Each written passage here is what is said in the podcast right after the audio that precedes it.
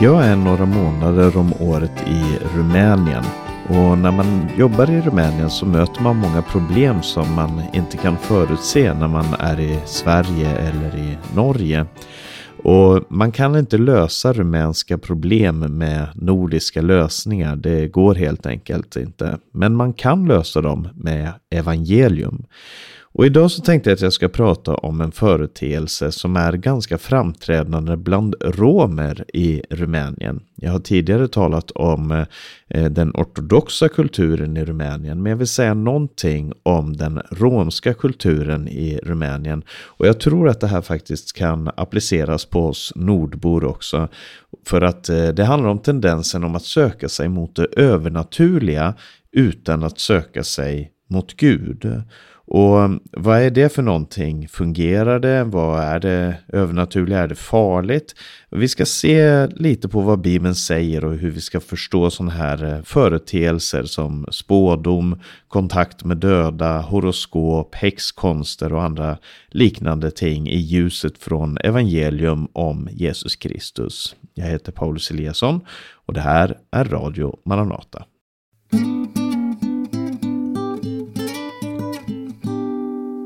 Om man går till femte Mosebok så står det där om Israels folk när de var på väg ut ur Egypten. Eller rättare sagt, de hade redan kommit ut ur Egypten, ut ur slaveriet som man hade där. Man var på väg genom öknen och här i femte Mosebok så står man på gränsen till det nya landet, Kanans land, det som vi idag känner som Israel. Och ehm, det här eh, Kanan, det var inte ett obefolkat land på den här tiden, utan det var ett land där det bodde många olika slags eh, folk eh, som hade sin egen kultur. Och ehm, Israels folk skulle leva bland de här människorna. och det betydde att de kom att konfronteras med deras kultur. Och man hade ju också med sig sin kultur ifrån Egypten. Och därför så skriver Mose han talar till folket och, och, skriver ner det här sen. Där han talar till dem och berättar hur han önskar och hur Gud önskar att de ska leva i det landet som de går in i. Och det står i femte Mosebok kapitel 18 och vers 9 till 14 så här. När du kommer in i det land som Herren din Gud ger dig ska du inte lära dig att handla enligt dessa folks avskyvärda seder.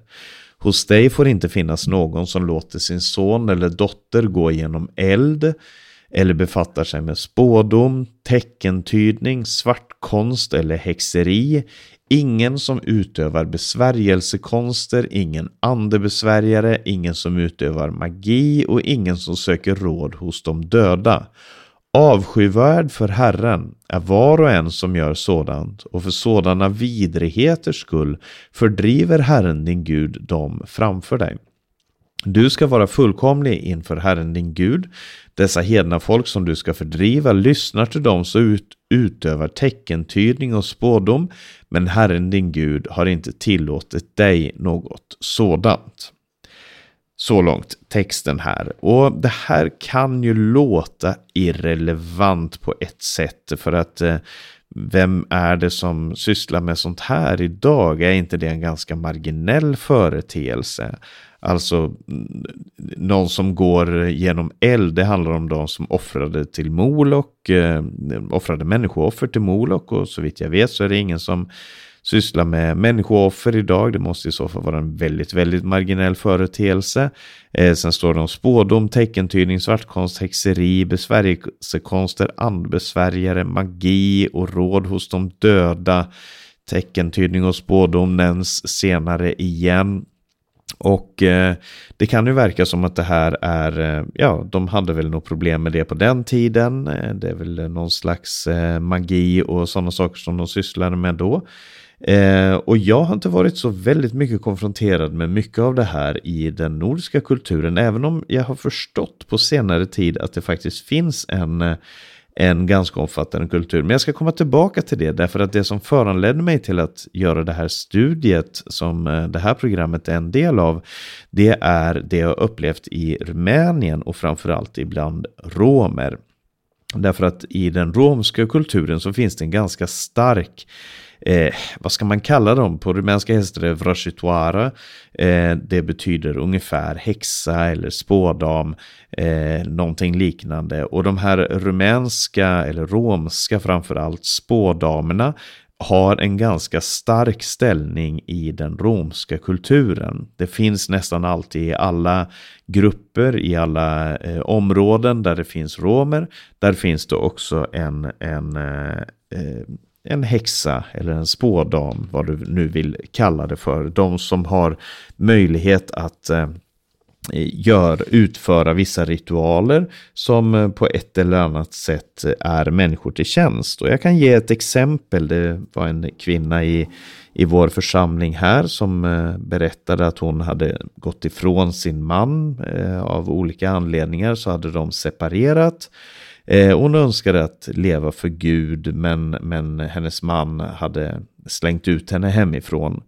Eh, och så någon vecka senare så kunde jag inte träffa det. Så, så, så, jo, någon, eh, en vecka senare så, så träffade jag den här kvinnan först. Och då var hon väldigt orolig för att hon hade fått höra att hennes man hade gått till en av de här spådamerna, häxorna, för att förbanna henne.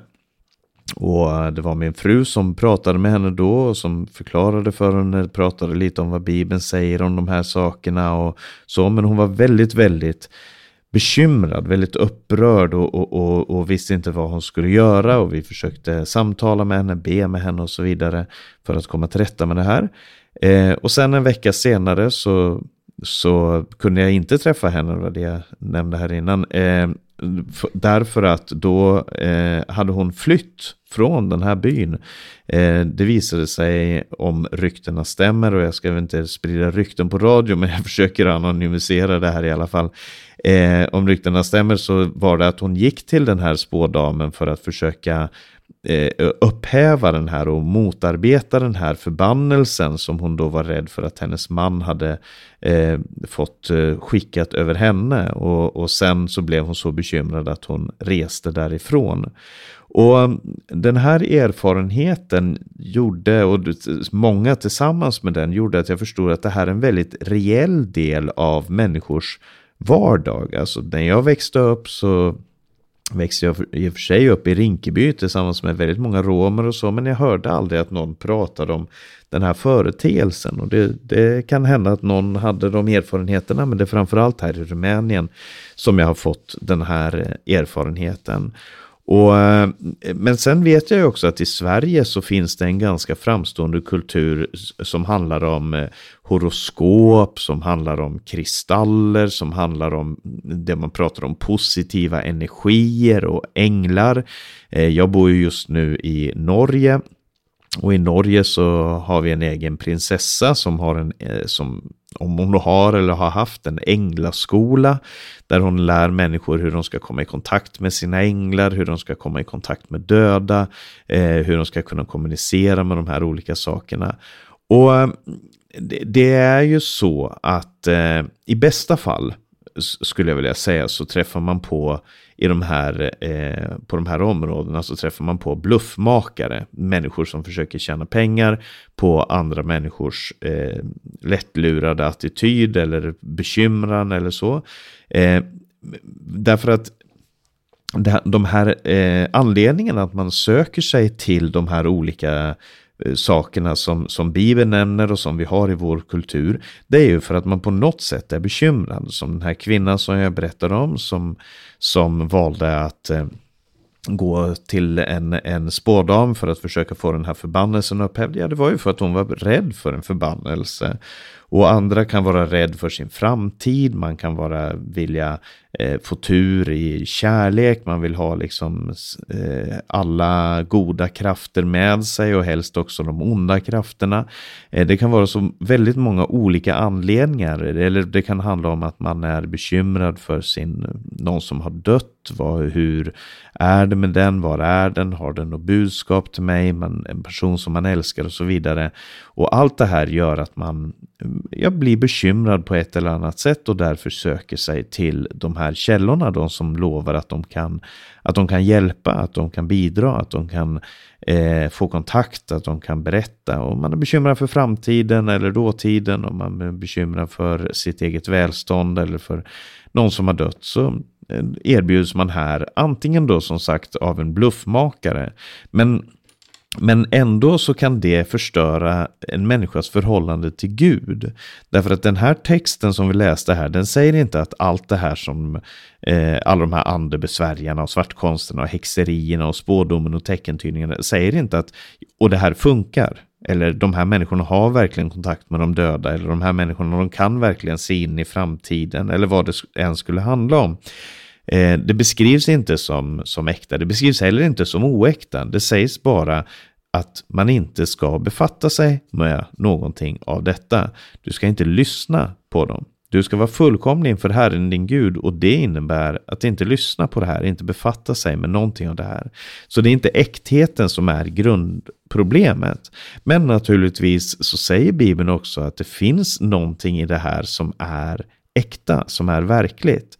Eh, och bara för att saker och ting omger sig själv med positiva förtecken som i, i vår nordiska kultur så tror jag att det är väldigt svårt att komma fram med, stå fram som den som sänder förbannelser över andra eller erbjuder att man ska kunna sända sjukdomar och liknande över andra människor. Eh, även om det också finns eh, så, och i den här romska kulturen så eh, talar man hellre om, om eh, positiva energier och du ska förhandla med universum och du ska, eh, det finns eh, kristaller som ska ge dig energier och så vidare. Eh, men även om det här låter positivt så eh, förstör det människor. Det, det, är en, en makt som förstör människor. Jag ska komma tillbaka till varför, men jag ska ge ett exempel på någonting som var verkligt och som var både positivt och negativt i, i, eh, eh som vi möter i Bibeln. Och det är Apostlagärningarnas 16 kapitel. Så nu flyttar vi flera tusen år eh, framåt i tiden eh, och, från det vi läste i femte Mosebok. Eh, så flera tusen år ska jag väl inte säga, men eh, flera hundra år, många hundra år i alla fall. Eh, och det som står då är att eh, aposteln Paulus var på resa tillsammans med Silas och Lukas och Timoteus och några andra. Så var de på resa och de hade kommit till Filippi som var en militärstad, en stad där ofta militär bodde på när de var på semester medan de väntade på nästa uppdrag. Och som militär så är man ju naturligtvis intresserad i framtiden. Vad kommer nästa krig föra med sig? Vad kommer nästa konflikt innebära? Kommer jag dö i det här kriget? Kommer jag överleva? Vem, vems sida ska jag stå på? Och så vidare. Och därför så fanns det en marknad i Filippi för spådom. Och så säger texten så här i Apostlagärningarna 16 vers 16. En gång när vi och det är då aposteln Paulus, det är inte han som talar, men, men det är Lukas som talar och han talar i vi-form, så de är flera stycken då. När vi var på väg till böneplatsen möttes vi av en slavflicka som hade en spådomsande och skaffade sina herrar stora inkomster genom att spå. Hon följde efter Paulus och oss andra och skrek, de här människorna är den högste gudens tjänare. De förkunnar för er en väg till frälsning. Så höll hon på i flera dagar, men Paulus blev upprörd och vände sig om och sa till anden, jag befaller dig i Jesu Kristi namn att lämna henne. Och i samma ögonblick for anden ut. När hennes herrar såg att deras hopp om, om inkomst var ute grep de Paulus och Silas och släpade med dem till torget inför myndigheterna. Så den här texten handlar om en utnyttjad slav först och främst. Det här är en människa som först har antingen först har blivit förslavad och så blivit besatt av en spådomsande eller omvänt att först har blivit besatt och så förslavad. Eh, men hon är slavinna och hon tjänar då sina herrar genom att spå, genom att berätta om framtiden med de konster som hon besitter. Och det verkar ju som att det är någonting äkta som hon verkligen besitter. Det står hon ha, hade en spådomsande. Eh, men det som också är sant är att det här handlar om pengar. Som så väldigt ofta annars så handlar det om pengar. Hon tjänar pengar åt sina herrar och för dem så är det nog väldigt irrelevant om det här är äkta eller inte så länge de kan få pengar för det. Eh, så hon spår och sen så kommer hon då och hon talar sanning på många sätt och vis, även om det i den här översättningen sägs de förkunna för er en väg till frälsning. Vilket man naturligtvis kan säga att ja, men Jesus är den enda vägen till frälsning och, och så. Men eh, det är lite beroende på hur man översätter det här och i det stora hela så, så kan man ju säga att ja, men man skulle kunna säga att ja, men det stämmer nästan. Hon säger att eh, de är den högste gudens tjänare. Ja, det, om man ska vara, eh, använda det epitetet om Gud så ja, det är de är, han är den högste guden, de är hans tjänare, de förkunnar för en väg till frälsning. Ja, det gör de. Det är ju sant, eh, det är inte fel. Eh, och aposteln Paulus han låter det här pågå i flera dagar. Vet inte varför han låter det pågå i flera dagar. Kanske han visar, eh, ja han förstår att det här är en utnyttjad kvinna. Han vill inte provocera i onödan som så många eh, andra människor gärna vill göra. Av någon anledning så låter han det gå flera dagar men till slut så blir han upprörd. Och han befriar henne i Jesu namn. Och vi förstår utifrån texten att hon var verkligen inte fienden. Hon var utnyttjad. Hon levde under väldigt, väldigt svåra omständigheter. Och Paulus behandlar henne heller inte som fienden. Det hoppas jag att eh, texten ska, att vi, vi förstår utifrån den här texten. Eh, men vem är det då vi ska höra på? Varför är det här så problematiskt? Om det är bluffmakare eller om det är eh, människor som har verkliga goda motiv. Eh, om det är eh, människor som verkligen försöker leda med andra människor bort ifrån Gud eller vad, vad det än skulle vara. Vad är anledningen att eh, det är så problematiskt det här? Varför ska man inte höra på spå, spåmän och, och de som talar med döda och de som kan se in i framtiden och tyda stjärnor och så vidare? Jo, om vi går tillbaka till femte Mosebok så, så står det i det artonde kapitlet där eh, står det så här. Eh, en profet lik mig, och det här är Moses som talar då, så säger han, en profet lik mig ska Herren din Gud låta uppstå åt dig bland ditt folk från dina bröder honom ska ni lyssna till. Och det här är precis versen efter det vi har läst inledningsvis här. Och i den artonde versen så står det också, jag ska låta en profet lik dig, och det här är Herren som talar till Mose, jag ska låta en profet lik dig uppstå åt dem bland deras bröder, jag ska lägga mina ord i hans mun och han ska tala till dem allt som jag befaller honom. Och eh, så det ska komma en profet som Herren ska låta uppstå ibland ditt folk, alltså ibland Israels folk, från dina bröder, alltså en i, inte bara i landet, men också en ifrån det folket som är Israel, och honom ska ni lyssna till. Så man kan ju säga att det här handlar om de profeterna som var i Gamla Testamentet, och jag tror att till viss del så är de en del av uppfyllelsen av det här eh, löftet av det här ordet. Eh, de, de talade Guds ord och de kom ifrån Israels folk och det var de som eh, folket skulle lyssna till. Eh, men det finns en, en fullkomlig uppfyllelse av det här. För att eh, i Israels land så väntade man också på en profet som verkligen var utsänd av Gud. En Messias, en som Gud hade smort till tjänst. Och eh, när man går in på Nya Testamentets mark så identifierar i Apostlagärningarna så identifierar både Petrus och aposteln Paulus eh, identifierar den här profeten som Jesus. De säger han var av Israels folk, han, Guds ord var i hans mun och han var sån som Mose. Och det är ju intressant att läsa när man läser evangelierna så ser man att det finns otroligt många paralleller mellan det Jesus gör och det Mose gjorde. När det handlar om hur ja, olika händelser i Jesu liv där de, som de berättar och berättar på ett sånt sätt att man ser att aha, det här är en parallell till Mose och jag tror att Matteus, Markus, Lukas och Johannes såväl som Petrus och Paulus i, i apostlärningarna försöker visa för sina eh, läsare att Jesus är denna profeten som eh, Mose eh, talade om. Och anledningen att det är så viktigt eh, för församlingen och för den kristne att eh, hålla sig till Jesus och inte till några andra källor.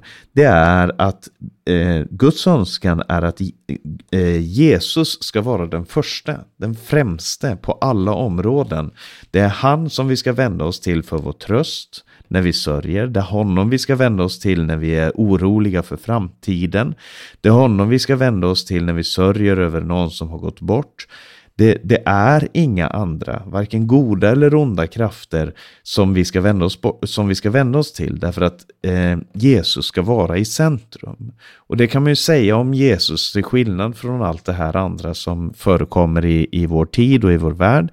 Det är att Jesus han tar inte betalt för det han gör. Han gör det inte för pengarnas skull och det borde ingen av hans tjänare heller göra.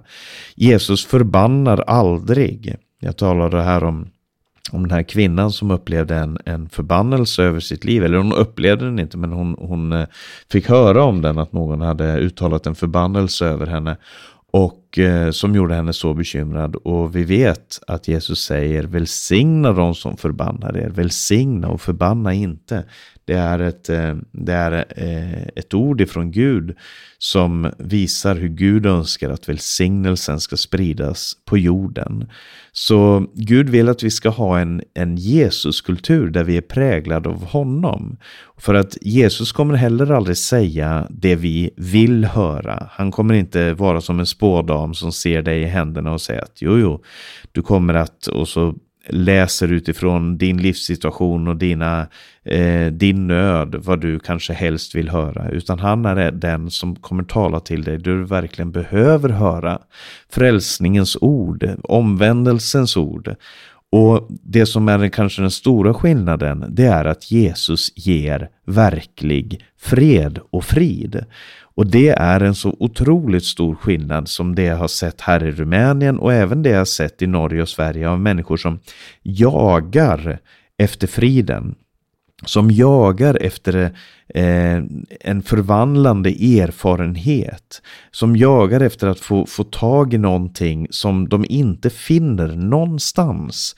Och, eh, och, och det är det som, som de här andebesvärjarna och spåmännen och allt vad du vill kalla dem med, horoskopen, stjärntydarna, det som de verkligen vill, vill föra dig in i, det är det här beroendet av, eh, av eh, att få mer, av eh, att ge ut mer pengar, av att göra dig själv ännu mer beroende av de här sakerna. Men medan Jesus ger oss en verklig fred. Vi behöver inte söka någonting någon annanstans. Och um, Så jag säger det igen, Gud vill att hans folk ska ha en Jesuskultur som är centrerad runt omkring honom. Och det finns en del andra ord också som är intressanta i det här sammanhanget och jag ska bara dela två eh, av de orden. Och det första är ifrån Jesaja kapitel 8.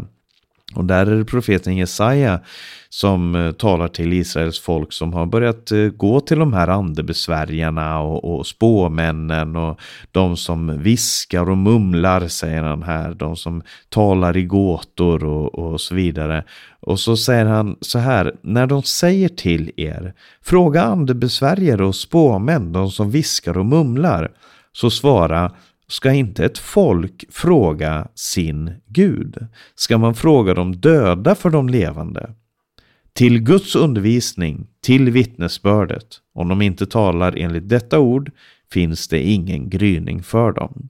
Så den kristna attityden det är det här, till Guds ord, till vittnesbördet. Det, det, har alltid varit Guds folks signum att man har sökt sig till Guds ord, till Guds undervisning och till vittnesbördet om Gud, det som vi har nedtecknat i skriften. Det är där vi finner Guds tal, det är där vi finner Guds råd för, för oss.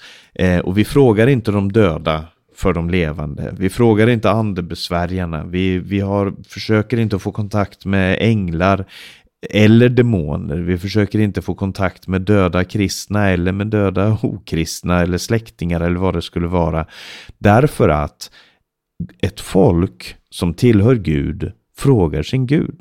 Samtalar med honom. Vi har fritt tillträde till Fadern genom Jesus Kristus.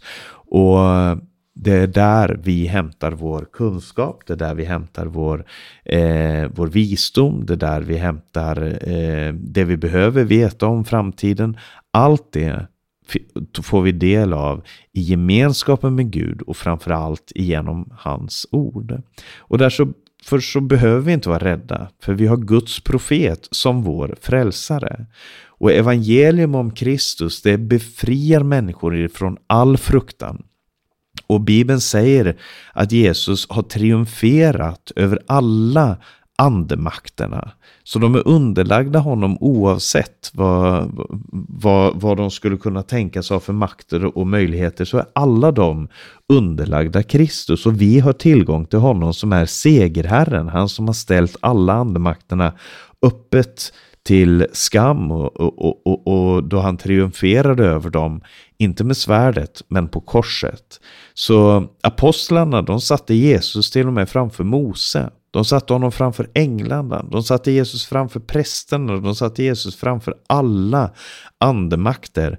Därför att deras mål var att visa att Jesus är den enda, han är den som församlingen behöver, han är den som varje troende eh, ska ha som sin källa. Ska inte ett folk fråga sin Gud, säger, säger Jesaja. Och i femte Mosebok så står det där att, han, eh, att Gud skulle sända en profet. Och till slut så vill jag också ta med det bibelordet som står i psalm 109 och vers 28.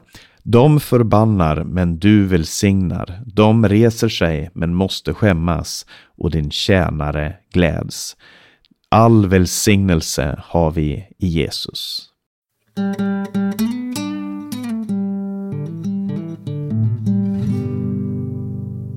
Jag tänkte att vi ska lyssna på sången O vilken kärlek och trofasthet. Det är Sebastian Vidén och Magdalena Lindros som sjunger den här i en enkel liveinspelning.